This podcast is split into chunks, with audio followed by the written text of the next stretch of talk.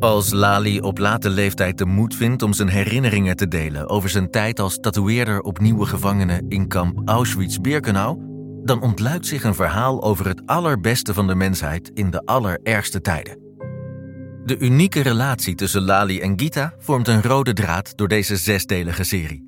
Ontberingen, haat, liefde, vluchten, hopeloosheid en uitzichtloosheid zijn het fundament voor dit ruim 80 jaar oude verhaal dat tijdloos is en herkenbaar blijft. Kijk de indrukwekkende serie The Tattooist of Auschwitz vanaf 7 juni exclusief op Sky Showtime. Vind je dit een leuke podcast? Luister dan ook naar Veldheren Historisch. Die maak ik, Mart Kruif, samen met mijn zoon en geschiedenisleraar Tom de Kruif. Je hoort het al, wij doen dingen die je bij andere podcasten niet hoort. Oftewel, to boldly go where no one has been before. Zo behandelen we ook de slag om Alesia, waar Julius Caesar van twee kanten door de Galliërs werd aangevallen. Hij zou zo'n 1 miljoen Galliërs hebben uitgemoord. En Asterix en Obelix klopt niet. Zeker, en zo bespreken we ook markante veldheren en legendarische veldslagen uit de geschiedenis. Zo kom je bijvoorbeeld te leren waarom het jaar 1870 misschien wel het belangrijkste jaartal is in de geschiedenis. Luister dus Veldheren Historisch via Podimo. En als je je aanmeldt via podimo.nl slash Historisch. Dan luister je 30 dagen gratis. AI. Extraordinary. Iedereen heeft het erover. Noem dit mijn cynische geest, maar ik ga dan gelijk denken: oké, waar kun je het allemaal voor misbruiken? Maar er gebeurt zoveel. Dat kun je toch niet bijhouden? Jawel. Want er is Poki, een podcast over kunstmatige intelligentie waarin ik praat met supernerd Alexander Klupping. Je kijkt me nu aan een soort van hoezo misbruik. En techfilosoof Wietse Hagen. Kunnen we dit normaliseren? Willen we dit normaliseren? Over de wondere wereld van AI. Do you like me? Status error. Luister, Poki. Ik ga nu ophangen. Bedankt. Kortie Media. In Veldheren ga ik, Jos de Groot, elke week voorbij de frontlijn in Oekraïne met twee generaals buiten dienst, Peter van Um en Mart de Kruif. Zij hebben een duidelijke missie: aan jou uitleggen hoe oorlog werkt. Iedere aflevering kijken we met hun ogen naar wat er nu gaande is op het strijdtoneel en gaan we dieper in op één thema.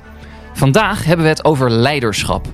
Een veelgehoorde verklaring voor het vastlopen van het Russische voorjaarsoffensief is de slechte aansturing van het Russische leger. Maar hoe leid je een leger wel? Je luistert naar Veldheren. Voor we beginnen wil ik je wijzen op Veldheren Extra, een wekelijkse extra aflevering van Veldheren. Wij krijgen namelijk ongelooflijk veel vragen van jullie. Dat zijn er te veel om allemaal in onze reguliere uitzendingen te behandelen. Maar Peter en Mart en ik ook een beetje voelen de plicht. En we vinden het ook leuk om deze vragen zoveel mogelijk te gaan beantwoorden. Dat gaan we doen vanaf volgende week op vriendvandeshow.nl slash veldheren. We vragen daar een kleine bijdrage om de kosten voor die extra afleveringen te kunnen dekken. Deze afleveringen van Veldheren blijven gewoon gratis, blijven gewoon op Spotify en op Apple. En ook hier zullen we luisteraarsvragen blijven behandelen. Maar meld je dus aan op vriendvandeshow.nl. Blijf je vragen insturen. En vanaf volgende week vind je daar elke week een extra aflevering. Laten we naar het slagveld gaan. We hebben de laatste weken hebben we het heel vaak hier over Bagmoed gehad. Maar er lijkt ook een nieuw punt van aandacht te ontstaan. Namelijk het plaatsje Avdivika. Wat gebeurt daar? Ehm, we zien dat uh, Russen nu uh, proberen door te breken bij uh, Avdivka. ligt ongeveer een kilometer of 90 zuid van Bakhmut. Net west-links van Donetsk, grote plaats. Daar is in 2017 ook al gevochten. Dus na 2014, ook in 2017. Dus heeft best wel een symbolische betekenis voor Oekraïne. En we zien dat de Russen nu proberen om uh, bij een concentratie van eenheden, dus veel tanks, veel vliegtuigen, uh, veel manschappen, om te kijken of ze daar kunnen doorbreken. Uh, ze winnen daar grond, maar er is nog geen sprake van een doorbraak. Ik, ik, ik lees dan ook, het, het, wordt geschreven over het tweede Bagmoed. Ja, Bagmoed zijn, is, is, ook nog bezig, maar is ja. dat een terechte karakterisering of nou, niet? Dan ben we acht maanden verder natuurlijk, want ja. Bagmoed is nu negen maanden over gevochten, dus dat duurt echt nog wel even. Kijk, de echte vraag is, is dit nu het begin van een Russisch offensief. Want Bakhmut was dat natuurlijk niet. Dat was een aparte symboliek, apart gevecht. Is dit het nu? En de vraag is, zijn ze staat om daar vaart in te krijgen? Nou, dat is de cruciale vraag die we de komende week kunnen gaan beantwoorden. Maar als de vergelijking met Bakhmut gemaakt moet worden, dan snap ik dat wel. Want dan gaat het ook om de intensiteit van de gevechten. Uh, en ja, het gaat daar ook uh, heel stevig aan toe. Is er wat dat betreft een verschil tussen een aanval en een offensief? Is dat iets anders? Ja, een aanval is echt op het laagste niveau. Op, wij noemen het tactisch niveau. Dus 100 man, Tactisch niveau. of 500 man of 800 man. Die proberen een bepaald doel, een heel concreet doel te nemen. Dat is vaak een heuvel of een dorp of een berg. Bij een offensief praat je echt over bijna een land. Troepen van een land. Dus dan praat je over de inzet van alles wat je hebt. En niet alleen op de grond, maar ook in de lucht, ook op zee. Dus dan praat je echt op een ander niveau. Dus de opmars in eh, de Golfoorlog was echt een offensief tot Bagdad. Maar dat je heel veel lokale aanvallen, bijvoorbeeld om Bagdad in te komen of om Mosul in te komen. Dat is het verschil tussen aanval en offensief. Ja, dus je spreekt op het strategische en operationele niveau. Hè. Dat zijn termen die we al eerder hebben gebruikt. Daar spreek je over een offensief. Maar als je in de tactiek zit, dan praat je meer eerder over een aanval. Helder. Dus we gaan in de gaten houden komende week van oké, wanneer zien we nou tekenen dat we daadwerkelijk een offensief kunnen noemen? Zover zijn we dus nog niet. Dan iets wat ons allemaal bezighoudt, merken we ook aan het aantal luisteraarsvragen wat erover komt in de inbox. En toch weer iets dat je denkt, daar zijn ze weer, namelijk kernwapens. Poetin liet afgelopen weekend weten dat Rusland vanaf juli in Belarus, Wit-Rusland, ehm, tactische nucleaire wapens gaat stationeren. Amerikaanse president Biden die noemt dat zorgwekkend. NAVO vindt het gevaarlijk. Peter, jij hebt deze berichten natuurlijk ook gevolgd. Eh, ehm, ja, wat doet, wat doet het met jou? Nou, ik was in ieder geval heel erg blij dat Mart eh, bij op 1 even duidelijk maakte dat een kernwapen is een kernwapen. Eh, of je het nou tactisch of strategisch noemt. Ja, want met, met tactisch kernwapen er wordt altijd gedaan alsof dat dan een Ja. iets mildere Eh, variant zou zijn. Ja, Hè? Alsof het een kernwapentje is, een nucleaire handgranaat of zo. Eh, en, en dat is het dus zeker niet. Want we denken dan nog steeds eh, aan explosies die we in de geschiedenis hebben meegemaakt eh, in Japan. Maar eh, ja, toen ik Mart zo hoorde spreken, dacht ik wel van ja, eh, een os is een rund, een koe is een rund. Maar het zijn wel allebei runderen. Eh, en toen moest ik toch nog even doordenken. Toen dacht ik van ja, we hebben in Nederland ook een gezegde. eh, je bent een rund als je met vuurwerk stunt. En eh, Poetin is een beetje met vuurwerk aan het, aan stunten. Want waarom, waarom, waarom doet hij dit? Nou, hij wil natuurlijk toch een signaal afgeven aan het Westen van kijk, ik denk er nog steeds aan. Hij, het liefst hoopt hij natuurlijk dat het Westen hier weer een beetje door uit elkaar gaat lopen. Dat we er allemaal anders mee omgaan. De een gaat er voorzichtig mee om, de ander wil er hard in. Eh, maar hij heeft eh, denk ik nog een hele mooie winst die hij hiermee haalt. En dat is dat eh, als hij die spullen en de mensen die daarbij horen in Wit-Rusland zet, dan hebben de Wit-Russen nog minder te vertellen in hun eigen land. En Wit-Rusland wordt nog, nog meer afhankelijk van Rusland. Het is gewoon een vazalstaat. Er is wel goed nieuws, tenminste als het waar is, maar er zijn heel veel geruchten dat Xi tijdens zijn bezoek en Poetin heeft gezegd President van, Xi van luister, China. van China, je mag alles doen, maar van kernwapens blijf je af. Dat hij dat nog een keer daar heeft gehaald. Als dat waar is, ja, dan is het spelen wat Poetin doet en ook een signaal afgeven, net wat Peter zegt van Wit-Rusland blijf je af. Maar dat signaal, als dat zo is, dan is dat klip en klaar. En we hebben eerder signalen van China gezien dat zij eh, toch wel aangeven van ja, kernwapens gaan we niet doen. Poetin en Xi hebben dus samen gezegd van we zijn grote vrienden, eh, we omhelzen elkaar bij wijze van spreken. En Xi is nog niet weg of Poetin doet dit. Ik denk dat er iemand in eh, Peking niet zo blij is. Ik, ik wil even naar een luisteraarsvraag van Niek. Eh, hij schrijft ons: ehm, Ik ben erg benieuwd naar het scenario waarbij nucleaire wapens wel ingezet zouden worden van Rusland. Ook al is het niet waarschijnlijk, toch kan ik de gedachte, zegt dus onze luisteraar Niek, wat nou als ze toch moeilijk naast me neerleggen?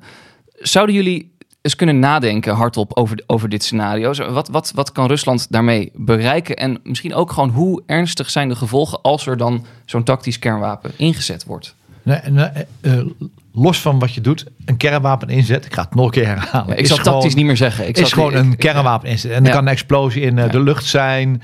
Eh, het kan een aanval op een militair doel zijn. Eh, dat kan van alles zijn. Maar als dat gebeurt, heb je twee mogelijkheden. Of het Westen reageert met een nucleaire aanval terug. Dat is theoretisch optie 1. Of, en dat is ook optie vaak vergeten.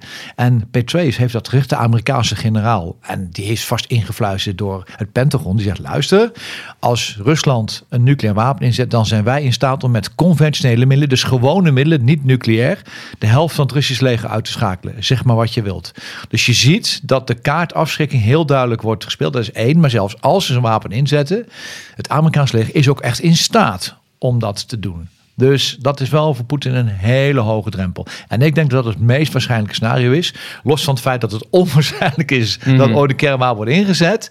Is de Verenigde Staten in staat om daar met gewone middelen op te reageren. De, de luisteraar vraagt ook van, eh, wat zou een scenario zijn waarin de Russen het gaan doen? Nou, ehm, eh, ja, eerlijk gezegd in het militaire leven is een van de leukste dingen...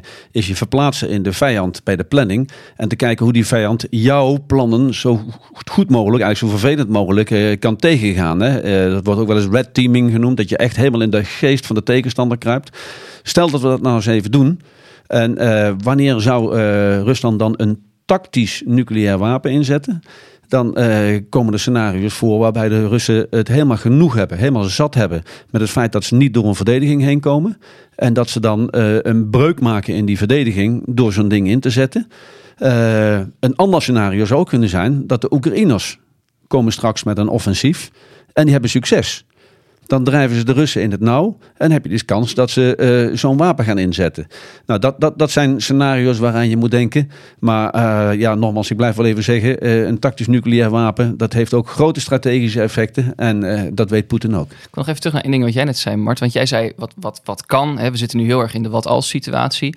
Maar het zou kunnen dat het Westen reageert ook met een kernwapen. Is dat inderdaad, dat, het verbaast mij best wel. Ik denk zo, dan, dan doen wij dus ook mee. Nee, maar dat is gewoon een principe. Ja. Het principe wat we hebben Dus die grens over is, is als jij over een grens Ja. gaat, dan, dan sta je toe dat wij bij je terugkomen. En dat gaat verder dan Rusland. Want er zijn natuurlijk meer, wapens, meer landen met kernwapens. Je praat ook over Noord-Korea. Je praat over Iran. Dus je moet maar als Westen heel consequent zijn in de lijn. Als jij een kernwapen inzet, dan geef je ons het recht om ze ook in te zetten. En by the way, de schade aan jou is vele malen hoger dan de schade die aan ons aanricht. Dus het gaat verder dan deze oorlog alleen maar. Ja. Ja, en Noord-Korea, daar weten we gewoon van. Eh, die, die hebben ze. Eh, van Iran eh, is dat nog, nog niet eh, bevestigd. Hè? Nee. Ik wil even naar een andere luisteraarsvraag over dit onderwerp. André van Batenburg mailt ons met zorgen over kernwapens. Hij zegt van ja, als de Krim wordt aangevallen, nu natuurlijk in handen van de Russen. Stel Oekraïne valt de Krim aan, dan rest Poetin nog maar één ding: atoomwapens gebruiken. Hij zal zich niet gewonnen geven. Dit is toch voorspelbaar, zegt ons luisteraar dus. En het zal Poetin niet uitmaken wat de gevolgen zijn. Zijn vraag aan jullie is: wordt er bewust verzwegen dat een nucleaire oorlog steeds dichterbij lijkt te komen? Ik hoop op een reactie, want veel mensen slapen hier slecht van, waaronder ondergetekende. Nou, hopelijk kan ik daar een beetje helpen. Ik hoop het Eh, ook. punt is terecht dat de Krim waarschijnlijk eh, als stel dat Oekraïne de Krim zou aanvallen, Ja, dus dan wordt dat door Rusland eigenlijk, echt beschouwd als een aanval op Russisch grondgebied. Dat is toch een andere dimensie dan de Donbass. Dus daar moet je van wegblijven. En natuurlijk zegt Zelensky dat de Krim deel is van Oekraïne. Het goede nieuws is dat volgens mij bij alles wat wij leveren aan Oekraïne wordt heel duidelijk gezegd, ook politiek, van let op, de wapens die wij leveren mag je alleen inzetten op het grondgebied van Oekraïne met uitzondering van de Krim. Daar ligt een hele duidelijke cap. Verenigde Staten en het Westen zeggen dat gaan we dus niet doen. Eh, Dus de angst begrijp ik heel goed. Dat er een aantal rode lijnen zich van de Krim erin is, dat begrijp ik heel goed. Maar we zien steeds in toenemende mate dat en de Verenigde Staten en China heel duidelijk zijn in hun uiting over het gebruik van kernwapens. Dat gaan we in dit conflict niet doen. Dus wat dat betreft, je kunt geen garantie geven, want een kat in nou kan rare dingen doen. Maar dat contact is er wel Want dat is misschien toch hè, de angst, hè, dat Poetin op een gegeven moment misschien zo in het nauw zit en eh, dat het hem misschien niet meer uitmaakt. En dan eh, ja, gebeurt er zoiets desastreus. Ja, maar eh, het korte antwoord op de vraag is nee. Eh, er wordt niet bewust verzwegen of stilgehouden eh, dat we hier toch wel risico's lopen om in een nucleair conflict eh, uit te komen. Dat wordt echt niet verzwegen. Ehm, ik denk dat er ook heel veel diplomatiek geprobeerd wordt om dingen voor elkaar te krijgen en met elkaar in gesprek te blijven. Dat dat publiek misschien niet allemaal eh, ehm, eh, duidelijk is, dat, dat snap ik ook. Want eh, ja, in, in de, beslotenheid van kleine kamertjes waar mensen elkaar treffen, kun je makkelijker met elkaar spreken dan, dan dat je alles oud en niet open doet. Eh, ik heb vroeger zelf ook in verschillende landen moeten onderhandelen. En dan kun je dat veel beter gewoon achter gesloten deuren doen. Ehm, dus dat- snap ik. Maar het is niet zo dat we het bewust verzwijgen. Nee, zeker niet.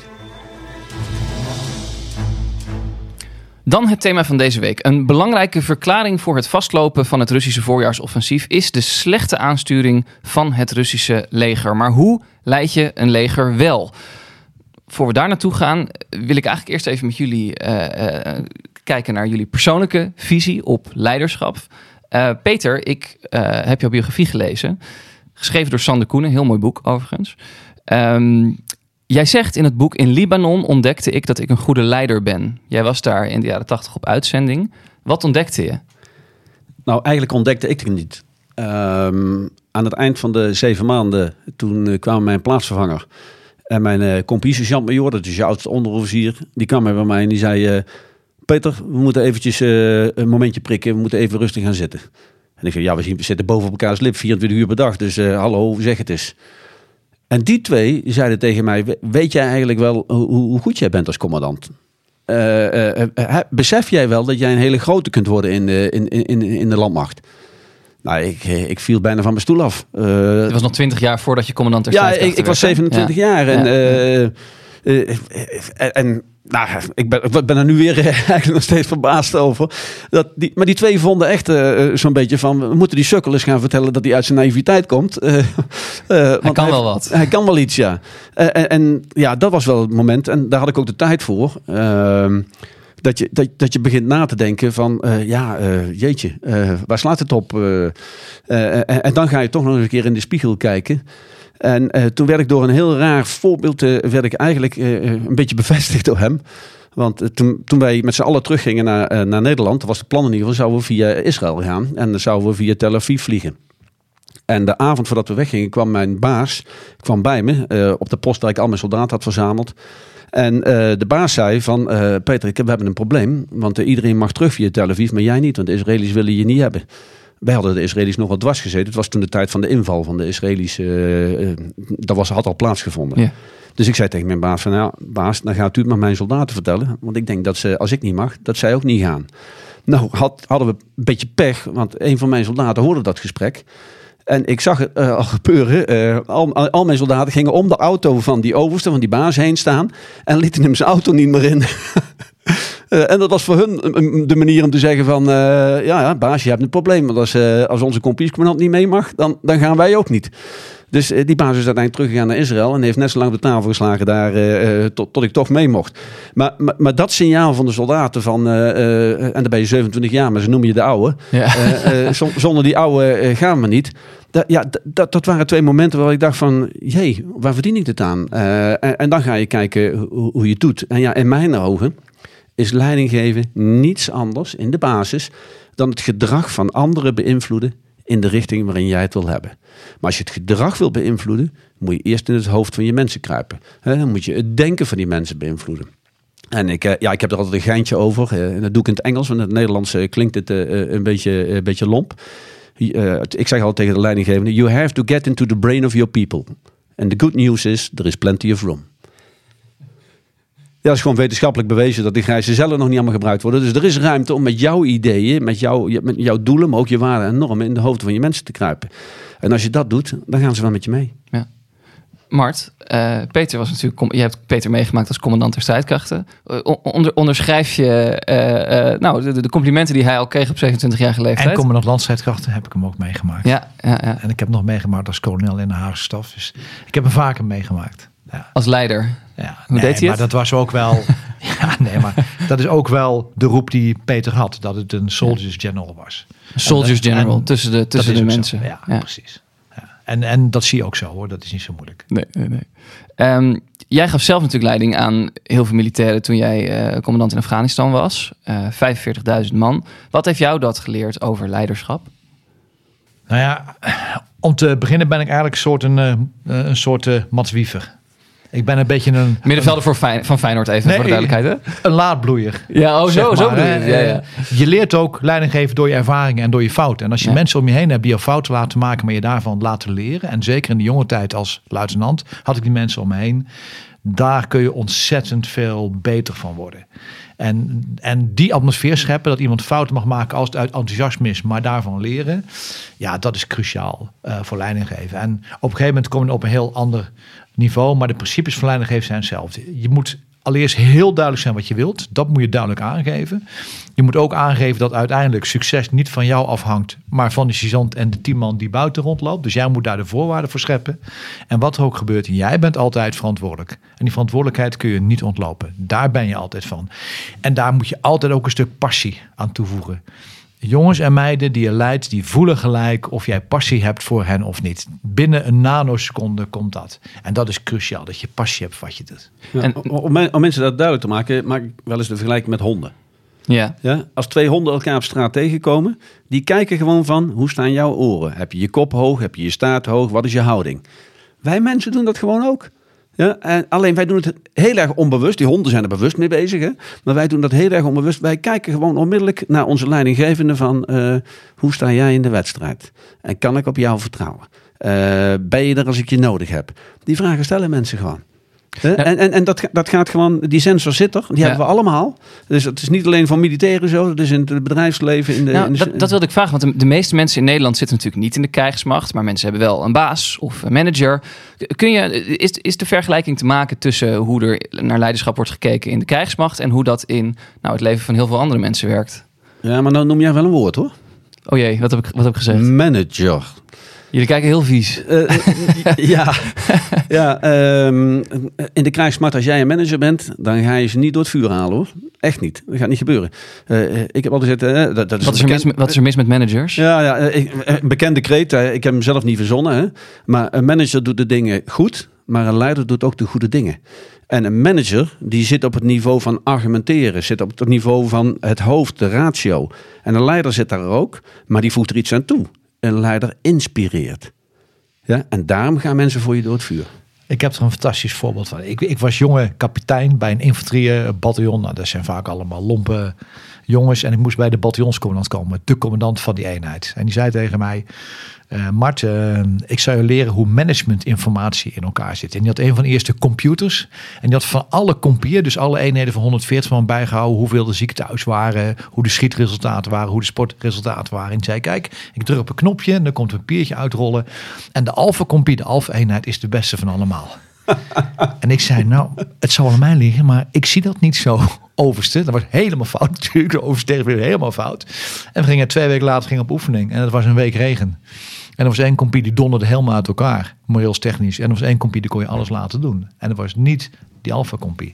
Dus je ziet dat je als leider ook, je moet je ook laten zien. Je moet je ook met je poot in eh, de klei staan. En dan zie je heel snel hoe een eenheid is. Volgens mij is de toon gezet. Belangrijke aanleiding voor ons om dit gesprek over leiderschap eh, deze week te voeren... eh, was een filmpje dat deze week eh, rondging op social media. Heel erg veel gedeeld. We zien in dat filmpje Russische soldaten, hele holle blikken in de ogen. Ze zouden van de zogenoemde stormeenheid zijn en noemen hun afwezige leiding crimineel. Peter, wat, wat vond jij van dat filmpje? Ja, ik allereerst diep triest natuurlijk. Ja, Ehm, ik hoop dat de mensen goed geluisterd hebben naar het filmpje. Want ik vroeg mij namelijk af, waar zitten die lui nou? In eerste instantie dacht ik, ik zie helemaal geen wapens. Maar als je dan goed gaat kijken, zie je her en der nog wel eh, een wapen staan. Eh, dat is voor mij een indicatie dat ze nog steeds ergens eh, ja, de vrijheid van handel hebben. Want voor hetzelfde geld hadden ze vastgezeten, vastgezet gezeten en, en gevangen genomen door andere Russen. Maar dat is niet zo, want ze hebben hun wapens nog. En als je dan goed luistert en je doet je oortjes in, dan hoor je op de achtergrond nog pok, pok. Er wordt dus daarbuiten nog geschoten. Hè? En zo te horen is dat artillerie of mortieren. Eh, eigen vuur zo te horen, want het is niet incoming. Dat kun je, kun je horen. Dus zij zitten nog steeds aan het front. In de buurt in ieder geval. En eh, we hebben eerder van dit soort filmpjes gezien. Maar daarbij waren eh, de Russische soldaten altijd gemaskeerd. Hadden doeken voor hun hoofd. anoniem. En ze waren anoniem. Ja. En eh, deze mannen kiezen er gezamenlijk voor om niet één persoon neer te zetten, maar weer met z'n allen te gaan staan, maar duidelijk herkenbaar. Ze noemen de naam van hun eenheid, ze noemen de naam van hun commandant. En ja, jij zei al die holle ogen. Het woord desolaat kwam bij mij op. Ja. Ja, dat vind ik wel een mooie omschrijving van die sfeer eigenlijk. Ja, een trieste sfeer. Maar ze voelen zich verlaten. Ze zijn wanhopig. En eh, juist zij weten ook wel dat als je herkenbaar daar staat en aangeeft wie je bent, welke eenheid, dat gaat repercussies hebben. Dat gaat Ja. consequenties hebben. Maar zij kiezen ervoor, ze zitten zo eigenlijk in de nood, zij kiezen ervoor om volledig open te zijn. Ja, en, voor de mensen die dit filmpje niet hebben gezien, ze hebben het over dat eh, soldaten, eh, militairen belasting moeten betalen, anders worden ze naar het front gestuurd. Belasting aan hun commandanten. Dat gewonden eh, moeten betalen, anders worden ze niet in het hospitaal geholpen. Dat ze eenheden achter zich hebben die hun dwingen naar voren te gaan. Als ze teruggaan, worden ze gewoon door hun eigen troepen beschoten. Ehm, deze mannen zien geen uitweg meer. Nee. Het is altijd goed om eh, te weten, dit is één eh, filmpje. Hè? Dus Ja. is, het- is het nou waar? Maar ik denk echt dat dit gewoon waar is. Want eh, je Is, ziet... moeilijk, is dat moeilijk om in te schatten Ja, eigenlijk? dat is best Ja. wel moeilijk. Maar je ziet een aantal dingen die wel typisch Russisch zijn. Een gebrek aan onderofficieren. Zij werken niet met onderofficieren. Bij ons wordt het werk gedaan door een onderofficier. Ze hebben daar jonge officieren van. Daar is de uitvalquote bijna 80%. Want die hebben geen ervaring. Ons onderofficier heeft ervaring. Ja, jonge even even uitleggen wat uitvalquote is, eh Mart. En Dat is nou, dat doodgewond, gesneuveld, vermist. Het is een eufemisme. Hè? Behoorlijk eufemisme. Maar die, ja. en dus dat is, dat is één, die zie je niet. Het tweede is, het is een groep van ongeveer 100 man. En we weten dat de Russen zo opereren dat ze steeds eenheden van 100 man naar de volgende loopgraaf sturen. Dat weten we uit ervaring. Dat is zo. Je ziet aan de leeftijd dat dit geen jonkies zijn. Dit zijn reservisten. Dit zijn oproepen die overal vandaan zijn eh, gekomen. Er zijn een heleboel indicaties die zeggen: oké, dat klopt wel. Bovendien, de benaming van de eenheid die duidt weer naar een eenheid die is opgericht in de Donbass, een Russische eenheid door Oekraïne die Russisch spraken. Dus dat klopt ook wel allemaal. Dus de kans dat is erg groot, maar vooral omdat het in een bredere context is. Er zijn veel meer van dit soort berichten dat je aan het front bij de Russen enorme problemen hebt met leiderschap, met muiterij, met corruptie, met commandanten die op de telefoon een opdracht geven. Even terug over manager leiden, die over de radio een opdracht geven om te gaan doen. Ja, je weet als je mensen een opdracht geeft om een loopgraaf te nemen, dan doe je dat terwijl je in de ogen kijkt. Dat doe je niet op afstand. Dat kun je gewoon niet doen. Dus al die indicaties zijn er. En dat zegt natuurlijk al een hele poos. Dat leiderschap en motivatie bepaalt veel meer dan je hardware die je hebt. Bepaalt de uitslag van deze oorlog. En er was dit filmpje ja, een, een, een schokkende illustratie van. Ja, we kregen, eh, vond ik wel interessant, we kregen een vraagje over van een luisteraar. Ehm, ehm, Dennis, die had jou gezien ook bij Op 1 eerder deze week, waar dit filmpje natuurlijk ook even ter sprake kwam. Ehm, en hij schrijft ons, eh, meneer Kruijf gaf op basis van het filmpje een reactie waarom Rusland de oorlog niet zou kunnen winnen. Bijvoorbeeld op grond van leiderschap en moraal enzovoorts. Maar dit soort filmpjes zie ik ook wel voorbij komen, bijvoorbeeld op Telegram, ehm, aan Oekraïnse zijde. Wordt er niet in de media een te roos- rooskleurig verhaal geschetst over de moraal en van de Oekraïnse soldaten en ook van dat leiderschap? En dat is misschien wel een terechte vraag, want een, een volkomen terechte vraag. Ja, Want we worden allemaal, allemaal beïnvloed door wat wij via de media over ons heen krijgen. Maar ik probeer dus altijd in een bredere context te plaatsen. Ik probeer te kijken, kloppen dingen die ik zie in dat filmpje, kloppen die in, in eerste instantie? Ja, die kloppen. En dan ga ik toch even terug naar mijn bronnen. Naar vrienden in het Pentagon, naar vrienden in Engeland, naar Hamburg. En zeg, zien jullie nou over de volle breedte datzelfde als we praten over het moreel van de Russen? En, en eigenlijk zegt iedereen, ja, dat zien we allemaal wel gebeuren. En een van de redenen dat dus dat offensief niet in gang komt, is ook dat leiderschap. Het is niet het aantal granaten, maar het is, ook dat leiderschap. Je komt niet verder. Als je niet gemotiveerd bent, dan ga je in de overlevingsstand. En niet in een overwinningsstand. Maar voor, voor de eerlijkheid, ook aan de Oekraïnse kant zijn er mensen die eh, eh, bang zijn.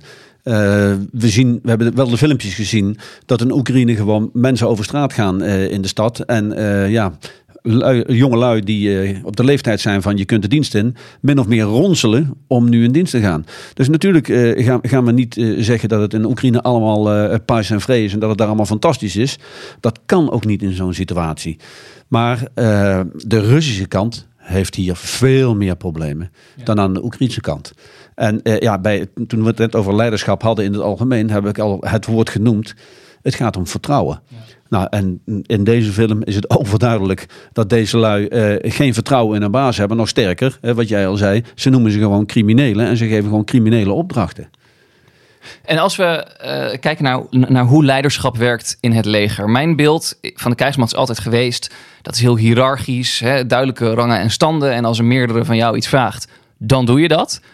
Is die uitleg te simpel of werkt het een beetje zo? Ja, die is te simpel. Was ik al bang voor. Maar, maar het beginsel klopt wel. Nee, kijk, eigenlijk is het heel erg eh, simpel. Als je aan het vechten bent, is er één iemand die zegt links of rechts. Dan ga je niet een discussie hebben. En de verantwoordelijkheid ligt ook maar bij één man.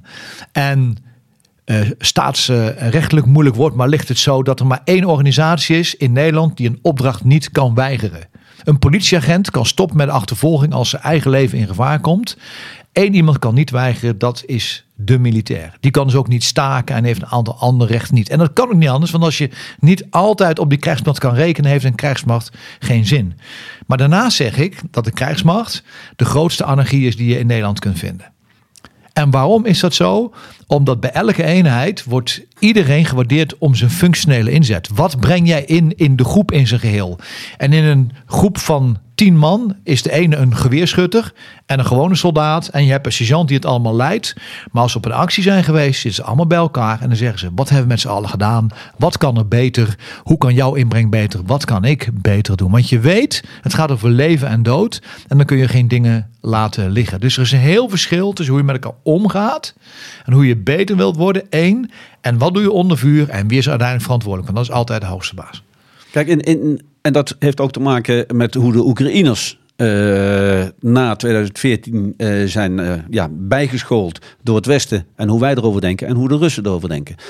Als je een plan maakt. Ja, dan want, zijn- la- want laten we het inderdaad even vertalen naar die, Ja. tw- naar die twee legers. Vertel. Ja. Als je een plan maakt, dan kun je wel heel hiërarchisch zijn. Maar uiteindelijk gaat het erom dat iedereen zijn kennis en ervaring inbrengt. En in dat systeem wat wij in het Westen ook kennen, daar hebben we nou juist hem eh, ja, geïnstitutionaliseerd. In de hele procedures zitten dat alle disciplines hun inbreng hebben voordat de baas een besluit neemt. Ja? Als je de tijd hebt om zo'n plan te maken, dan zijn we super democratisch. Maar als je in, zoals Mart zei, in een hinderlaag of zo zit eh, en je zit in gevecht, ja, dan zijn we heel directief. Want dan is het echt links is links en rechts is rechts. Dus daar moet je in kunnen schakelen. Nou, eh, de, de Russen hebben het vermogen niet om zo met plannen maken om te gaan. Dat heeft met verschillende dingen te maken.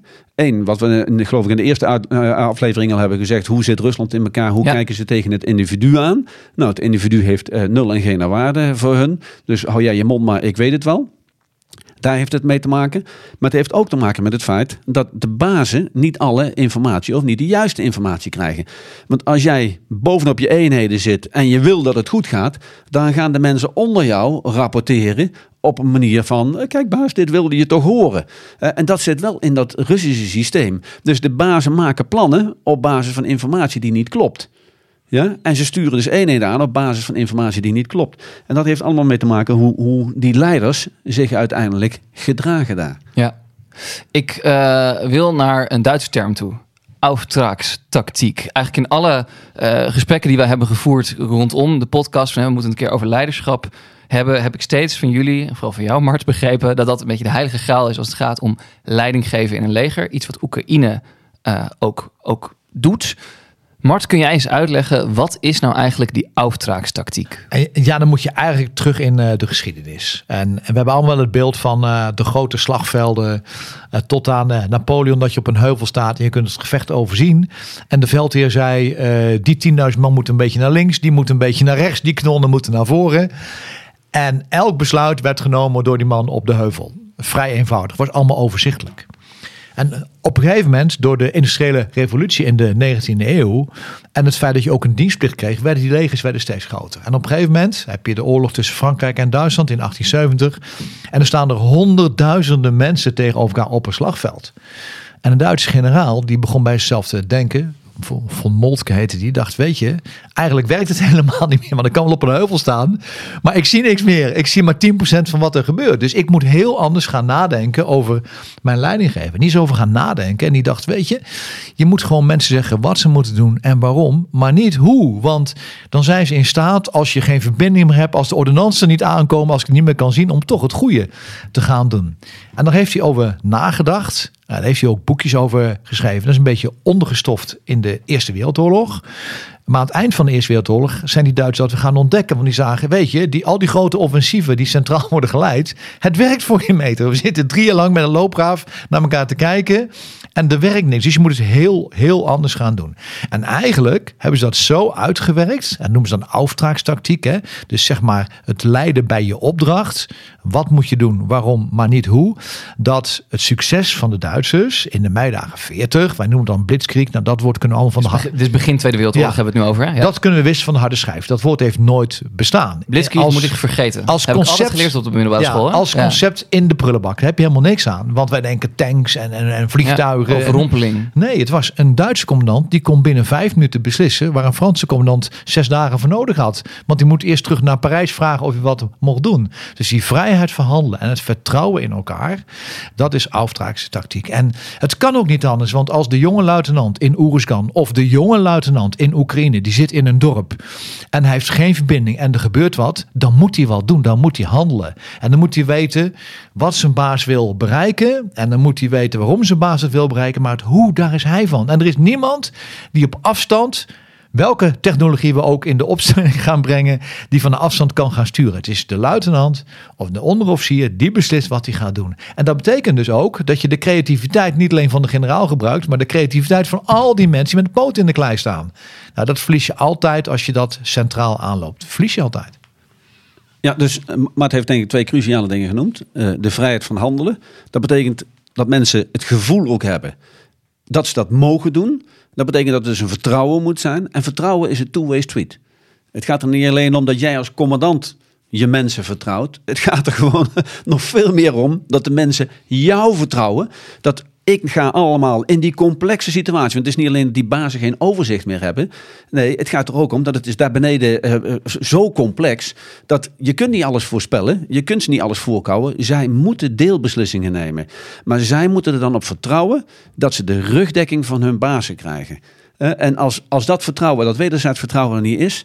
ja, dan loop je een grote kans dat ze stil gaan zitten. Er is nog een ander ding aan. Uh, dat in Rusland zie je dat als er dingen fout gaan, ja, dan worden mensen onmiddellijk van hun functie ontheven en soms hoor je niet eens meer van ze. Ja, in Rusland schijnt het een nationale sport uh, tegenwoordig te zijn om van een uh, verdieping van een hotel af te springen. Um, dus als je dat gaat doen, dan gebeurt er maar één ding. Iedereen gaat stilzitten. Niemand toont meer initiatief. We hebben in Nederland een woord daarvoor. Als er iets fout gaat, babertje moet hangen. Nou, dat is nou de doodsteek voor die vrijheid van handelen als je dat gaat doen. Dus als er dingen fout gaan, zie dat als een moment, een, een kans om te leren. Ja, dan, dan hou je daar positieve energie in. En dan durven mensen ook eh, beslissingen te nemen, actie tot actie over te gaan. En uh, zijn ze bereid om uh, die risico's te lopen. Maar ik kan me dus wel voorstellen dat binnen dat systeem van die auftragstactiek... dat er best wel veel verantwoordelijkheid ligt bij, bij jonge mensen. Bij mensen die misschien niet zoveel ervaring hebben als de generaal aan de bovenkant. Dus dat is wel, ik kan me ook voorstellen dat het best een kwetsbaar systeem is. Het is een kwetsbaar systeem als je die verantwoordelijkheid niet gestand doet. Als jij bang bent dat er wat fout gaat, ja. ja dan ga je steeds meer controlemechanismes uh, ga je in de opstelling gooien. En dan, dan wil je alles gemeld hebben en je wilt alles zien. Maar uiteindelijk gaat dat niet werken. Du moment dat jij niet de verantwoordelijkheid neemt als hoogste baas, hè, dan werkt auftraagstactiek werkt nee, maar, niet meer. En daar zeg je wel iets belangrijks. Want de hoogste baas blijft, de blijft altijd verantwoordelijk. En, en dat zie je ook wij praten over het onderscheid tussen leiderschap en management. En dat kun je nooit zo zwart-wit zien. Maar je ziet heel veel bij bedrijven en ook bij de politiek. Zie je de angst om fouten te maken. Ja. En de angst om verantwoordelijkheid te nemen en daarop afgerekend te worden. En wat je dan krijgt is precies wat Peter zegt. Iedereen gaat heel hard zijn best doen om de dingen goed te doen.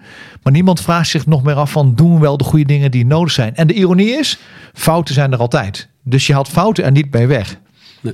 Mensen zijn veilbaar. Wij maken gewoon fouten. Mm -hmm. Dus ga nog niet tegen je mensen zeggen dat ze geen fouten mogen maken. Want dan krijg je alleen maar dat ze stil gaan zitten. Nee, uh, ik heb altijd gezegd, uh, fouten maken mag. Niet van je fouten leren. Dat mag niet. Dus zeg het tegen anderen, dan maken ze morgen tenminste niet dezelfde fout. En, en zo moet je met je mensen bezig zijn, zodat ze uiteindelijk wel dat initiatief tonen en die creativiteit laten zien. Uh, en als je dat doet, ja, dan, dan haal je het maximale uit je club. En dat, dat, dan, dan, dan kunnen ze bergen verzetten. En het is niet enkel fouten, maar ook het besef dat je niet alles beheerst. Je beheerst gewoon niet alles. Hè? In Afghanistan is school bijvoorbeeld gezien dat je een heleboel dingen plant en dingen gaan gewoon anders, omdat je niet beheerst. Ik zal nooit vergeten dat we een Amerikaanse patrouille door een Canadese gebied lieten gaan. Mijn staf wist dat er bermbommen lagen. Vergeet dat door te geven. Ja, dat soort dingen gebeuren. Dat is, een, dat is een fout. Maar je beheerst het dus ook niet. Je denkt dat je het beheerst, maar je beheerst het niet. Oorlog is ook, met daar hebben ze helemaal woord voor frictie. En frictie is dat je besluiten moet nemen in onzekerheid. En dat doe je op basis van de helft van de feiten en op grond van een beetje onderbuikgevoel. Dat is intuïtie en dat is eigenlijk gestolde ervaring. En daarmee ben je gewoon het beste besluit nemen. Maar je weet, van de acht besluiten die ik neem, zijn er misschien zes goed en twee zijn er minder goed. En, en dat is gewoon een feit. Ja, ik, ik, heb, ik, heb dus wel, ik heb dus wel gezegd dat eh, in dat soort situaties is het militair beroep niets anders dan een beetje orde proberen te creëren in chaos. Want het is chaos. En eh, commandanten moeten dus ook weten dat zij de verantwoordelijkheid moeten nemen voor alles wat hun mensen doen, maar ook voor wat ze niet doen. En dat is iets wat ik eh, in ieder geval in de burgermaatschappij nog niet altijd helder eh, zie. Want als je iets niet doet, komen daar ook gevolgen uit. En ben je daar gewoon verantwoordelijk voor. En wij brengen dat hele jonge militaire leiders, hè, dat hoort ook bij die vorm van leiding geven, hè, brengen we ook heel erg duidelijk eh, van, als je niets doet, heb je een besluit genomen, ben je ook verantwoordelijk voor wat eruit voortkomt. Hebben jullie een. ehm, heb- je hebt ook van fouten maken, dat, dat, dat hoort erbij. Dat is onderdeel van dit hele systeem eigenlijk. Hebben jullie een voorbeeld uit, uit eigen ervaring in het kader van leiderschap waarvan je zegt, ja, toen zat ik er gewoon naast?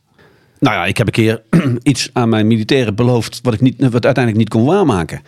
Eh, en nou, dat lang verhaal zo kort mogelijk proberen te maken. Eh, in de tijd van de dienstplichtigen gingen alle infanterie-eenheden van 150 man gingen naar de commando's. Dat heette Panzerstorm voor eh, alle oud-dienstplichtigen. En nou, dat vonden de dienstplichtigen niet zo leuk, want daar werden we twee weken behoorlijk aan onze sim gezeten. En daar leerde je overleven, om het zo maar te zeggen. En de dag voor kerst, voor het kerstverlof, kreeg ik een, eh, een bericht dat mijn clubje hoefde volgend jaar niet naar Panzerstorm. Nou, een mooie kerstcadeau kon ik aan mijn soldaten niet geven. Dus voordat ze naar huis gingen, zei ik: jongens, nog één ding. Wij gaan volgend jaar niet naar Panzerstorm. 150 man juichen. De maand erop eh, waren we op oefening in. eh eh, Mart begint al te lachen. Waren we op oefening in, in Duitsland. Het was beestenweer. Echt mensen met bevriezingsverschijnselen aan de handen en zo. Het was, was, was niet leuk. Maar de club ging lekker. En toen kwam eh, uiteindelijk het bericht van: ja, sorry, eh, eh, er is toch nog weer wat veranderd. En jullie gaan wel. Nou. dat was de hoofdoperatie, de S3 voor de militairen. En ik heb nog tegen die S3 gezegd, want ik vond het zo principieel van, nou, beste major, hè, die had een hogere rang als ik. Beste major, is dan leuk dat u mij dat vertelt. Bij de chef zag, hè? Dus laat de baas maar komen, maar eerder doen we het niet. Nou, dan binnen een kwartier stond die baas bij me. En toen was het duidelijk, dit ging gewoon gebeuren. En toen moest ik dus mijn soldaten gaan vertellen eh, eh, eh, dat ik iets beloofd had wat ik niet kon waarmaken. En daar gaat het echt om vertrouwen. Ja, kunnen ze mij nog vertrouwen? Dus toen heb ik echt wel lopen nadenken van hoe ga ik dit oplossen? En uiteindelijk heb ik mijn eh, eh, diezelfde van Libanon trouwens, die, die, heb, die heb ik toen gezegd, nou zet ze, op een gegeven moment kwamen we terug in de kazerne, zet ze allemaal bij elkaar. En toen ben ik voor mijn club gaan staan. En ja, toen hadden we niet zo'n goede kleding. eh, eh, toen ben ik, eh, het was koud, ben ik me gaan uitkleden. En heb ik staan strippen. En die, die, soldaten dachten allemaal, waar gaat dit naartoe? Totdat ik letterlijk in mijn hemd stond. En toen heb ik gezegd, jongens, ik sta in mijn hemd. Ik heb jullie iets beloofd. En helaas is boven mij nu toch een ander besluit weer genomen. En daar heb ik een heel verhaal omheen gehouden. En uiteindelijk heb ik wel tegen ze gezegd van, maar één ding. Als wij naar de commando's gaan, degene die ook maar even sip kijkt, zo noemen we dat, hè, die dus triest begon te worden en eh, het moreel slecht had. eh, ik zeg, eh, heb ik echt gezegd toen, die schop ik meteen ongenadig onder zijn kont. Nou, en s'avonds gebeurde er iets eh, bijzonders. Want de officier van dienst die kwam mij eh, halen en die zei, eh, "Kap- kapitein Van eh, eh, uw mannen breken de kantine af. Ik zeg, wat? Die van mij breken de kantine af? Zullen we nou krijgen? Dus ik naar de kantine toe. Nou, toen hadden alle dienstplichtigen, of ieder, ieder militair had toen nog oranje sportshirtjes. En eh, daar liep dus, eh, nou het gros van mijn 150 jongens, liep daar in Polonaise allemaal een beetje toeter lampion. En wat zongen ze? Hup, Holland, hup, laat de cap niet in zijn hemdje staan. ja, dus het is ook hoe jij als leidinggever Ja. dan met zo'n situatie omgaan. Eh, eh, en als je daar creatief in bent en, en je weet uiteindelijk zo te communiceren en je mensen uiteindelijk te inspireren. Nou, we hebben aan het eind van die panzerstormperiode, 14 dagen, hebben we een waardering gekregen omdat we het zo goed deden. Ja. Dus je kunt situaties ook kantelen. Volgens mij hebben we best wel een duidelijk beeld geschept van hoe dat leiderschapssysteem werkt. Hoe het misschien eh, kan werken ook. Eigenlijk toe naar een, naar, naar een concluderend woord van... Geeft dat leiderschap ehm, Oekraïne een beslissend voordeel in deze oorlog? Ja, Dat is een ferme ja. ja. Kijk, maar, kijk, het is eigenlijk is heel erg eh, simpel. En dat hebben we al vaak gezegd. Militaire kracht heeft drie elementen. Dat is je hardware, wat op je grond, dat zijn je middelen. Hoe zet je die in? Eh, wat is je opstelling? Speel je 5-3-2 of eh, 4-4-2? En wat is jouw leiderschap? En telkens zie je dat het verschil wordt gemaakt door het leiderschap. En het is best wel raar, want we praten vaak over game changers en dan koppelen dat aan hardware, aan vliegtuigen of aan tanks. Ja, natuurlijk, die moet je allemaal hebben. Dat is een randvoorwaarde. Ik bedoel, daar hoeft niet over te gaan praten. Maar je ziet dat elke oorlog, of nou tussen Vietnam en de Verenigde Staten gaat, of tussen Israël en de Arabische landen, of een golfoorlog, wordt uiteindelijk beslist door het leiderschap en de motivatie van de soldaten op de grond. En, en toch, eh, ze zullen in Rusland ook weten dat, eh, eh, dat Nazi-Duitsland in 1940 zo kon opstomen door een revolutionaire manier van leiding geven. Waarom zijn de Russen daar dan niet toe in staat? Nou ja, daar kom, daar kom je bij eh, de handvraag. Want leidinggeven begint aan de top. Ja. En eh, als je naar Poetin kijkt, eh, en we hebben het over leiderschap. Ja, hij doet iets wat in mijn ogen eh, zeker niet verstandig is. Hij bemoeit zich echt met eh, eh, commandanten in het veld. Hij bemoeit zich met de operationele... je hebt strategie, operationeel en een tactiek. Hij bemoeit zich met de operationele zaken. Maar hij bemoeit zich soms ook met de tactische zaken. En ja, dat is niet handig. En hij rekent daar ook onmiddellijk mensen op af. Samen met degene in zijn omgeving. Dus hij creëert zelf een sfeer van wantrouwen, geen vertrouwen. Eh, en ja, dat gaat, dat gaat eh, de zaak van de Russische kant natuurlijk eh, totaal niet helpen. Kijk je aan de andere kant naar Zelensky, die zich misschien achter de schermen best met de tactiek zal bemoeien, dat weet ik niet. Maar hij straalt wel uit, door meldingen die hij maakt in de media, mijn commandanten adviseren mij. Ja, dus ik luister naar mijn commandanten. Natuurlijk zal hij meespreken over de strategische doelen en de strategische keuzes, maar hij toont in ieder geval interesse, komt echt aan het front bij zijn soldaten. Hè, Hij is dus intrinsiek gemotiveerd om eh, interesse te tonen voor zijn soldaten, maar hij blijft wel weg van het militaire vakwerk. Eh, en eh, ja, dat is een vorm van leidinggeven die mij in ieder geval veel meer aanstaat. En om het toch wel even goed in context te gaan plaatsen. Ik zeg altijd, al een paar maanden, de Russen gaan deze oorlog niet winnen. Mhm. Dat wil niet zeggen dat Oekraïne deze oorlog gaat winnen. Of dat de Russen hem gaan verliezen. Hè. Zover zijn we nog lang niet. Want er speelt een heleboel natuurlijk. Zijn wij als Westen in staat om de steun te handhaven die Oekraïne nodig heeft? Hoe ver wil Poetin gaan met deze oorlog? Deze oorlog is nog niet beslist. Alleen je ziet wel dat door het falend leiderschap vanaf het begin van de oorlog eigenlijk je nu wel kunt zeggen, we zien gewoon dat de doelen die Poetin had, hè, namelijk het veroveren van heel Oekraïne, oost van de Dnieper, de hele kuststrook en Kiev, dat gaat hij niet meer bereiken. En ik durf ook wel zeggen dat hij de hele Donbass, die vier provincies, niet meer gaat bereiken. Ja, die maar dat zijn conclusie zijn, dat zijn bijgestelde doelen. Ja. En zelfs die gaat hij eh, niet halen.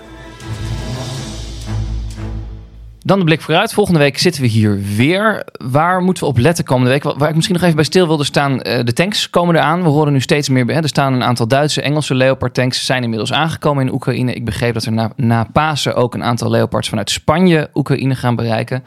Is dat iets waar we al, eh, waar, waar we al iets van gaan zien?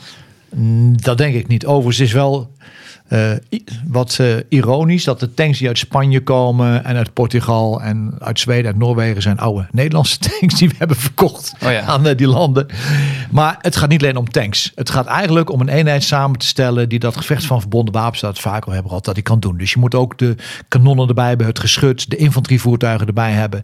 En pas als je die allemaal hebt en je kunt ze onderhouden, je kunt ze rijden en je hebt er munitie voor, dan pas kun je in de aanval gaan. Want maak niet de fout die de Russen ook in het begin hebben gedaan. Als je overal aanvalt, dan val je eigenlijk nergens aan.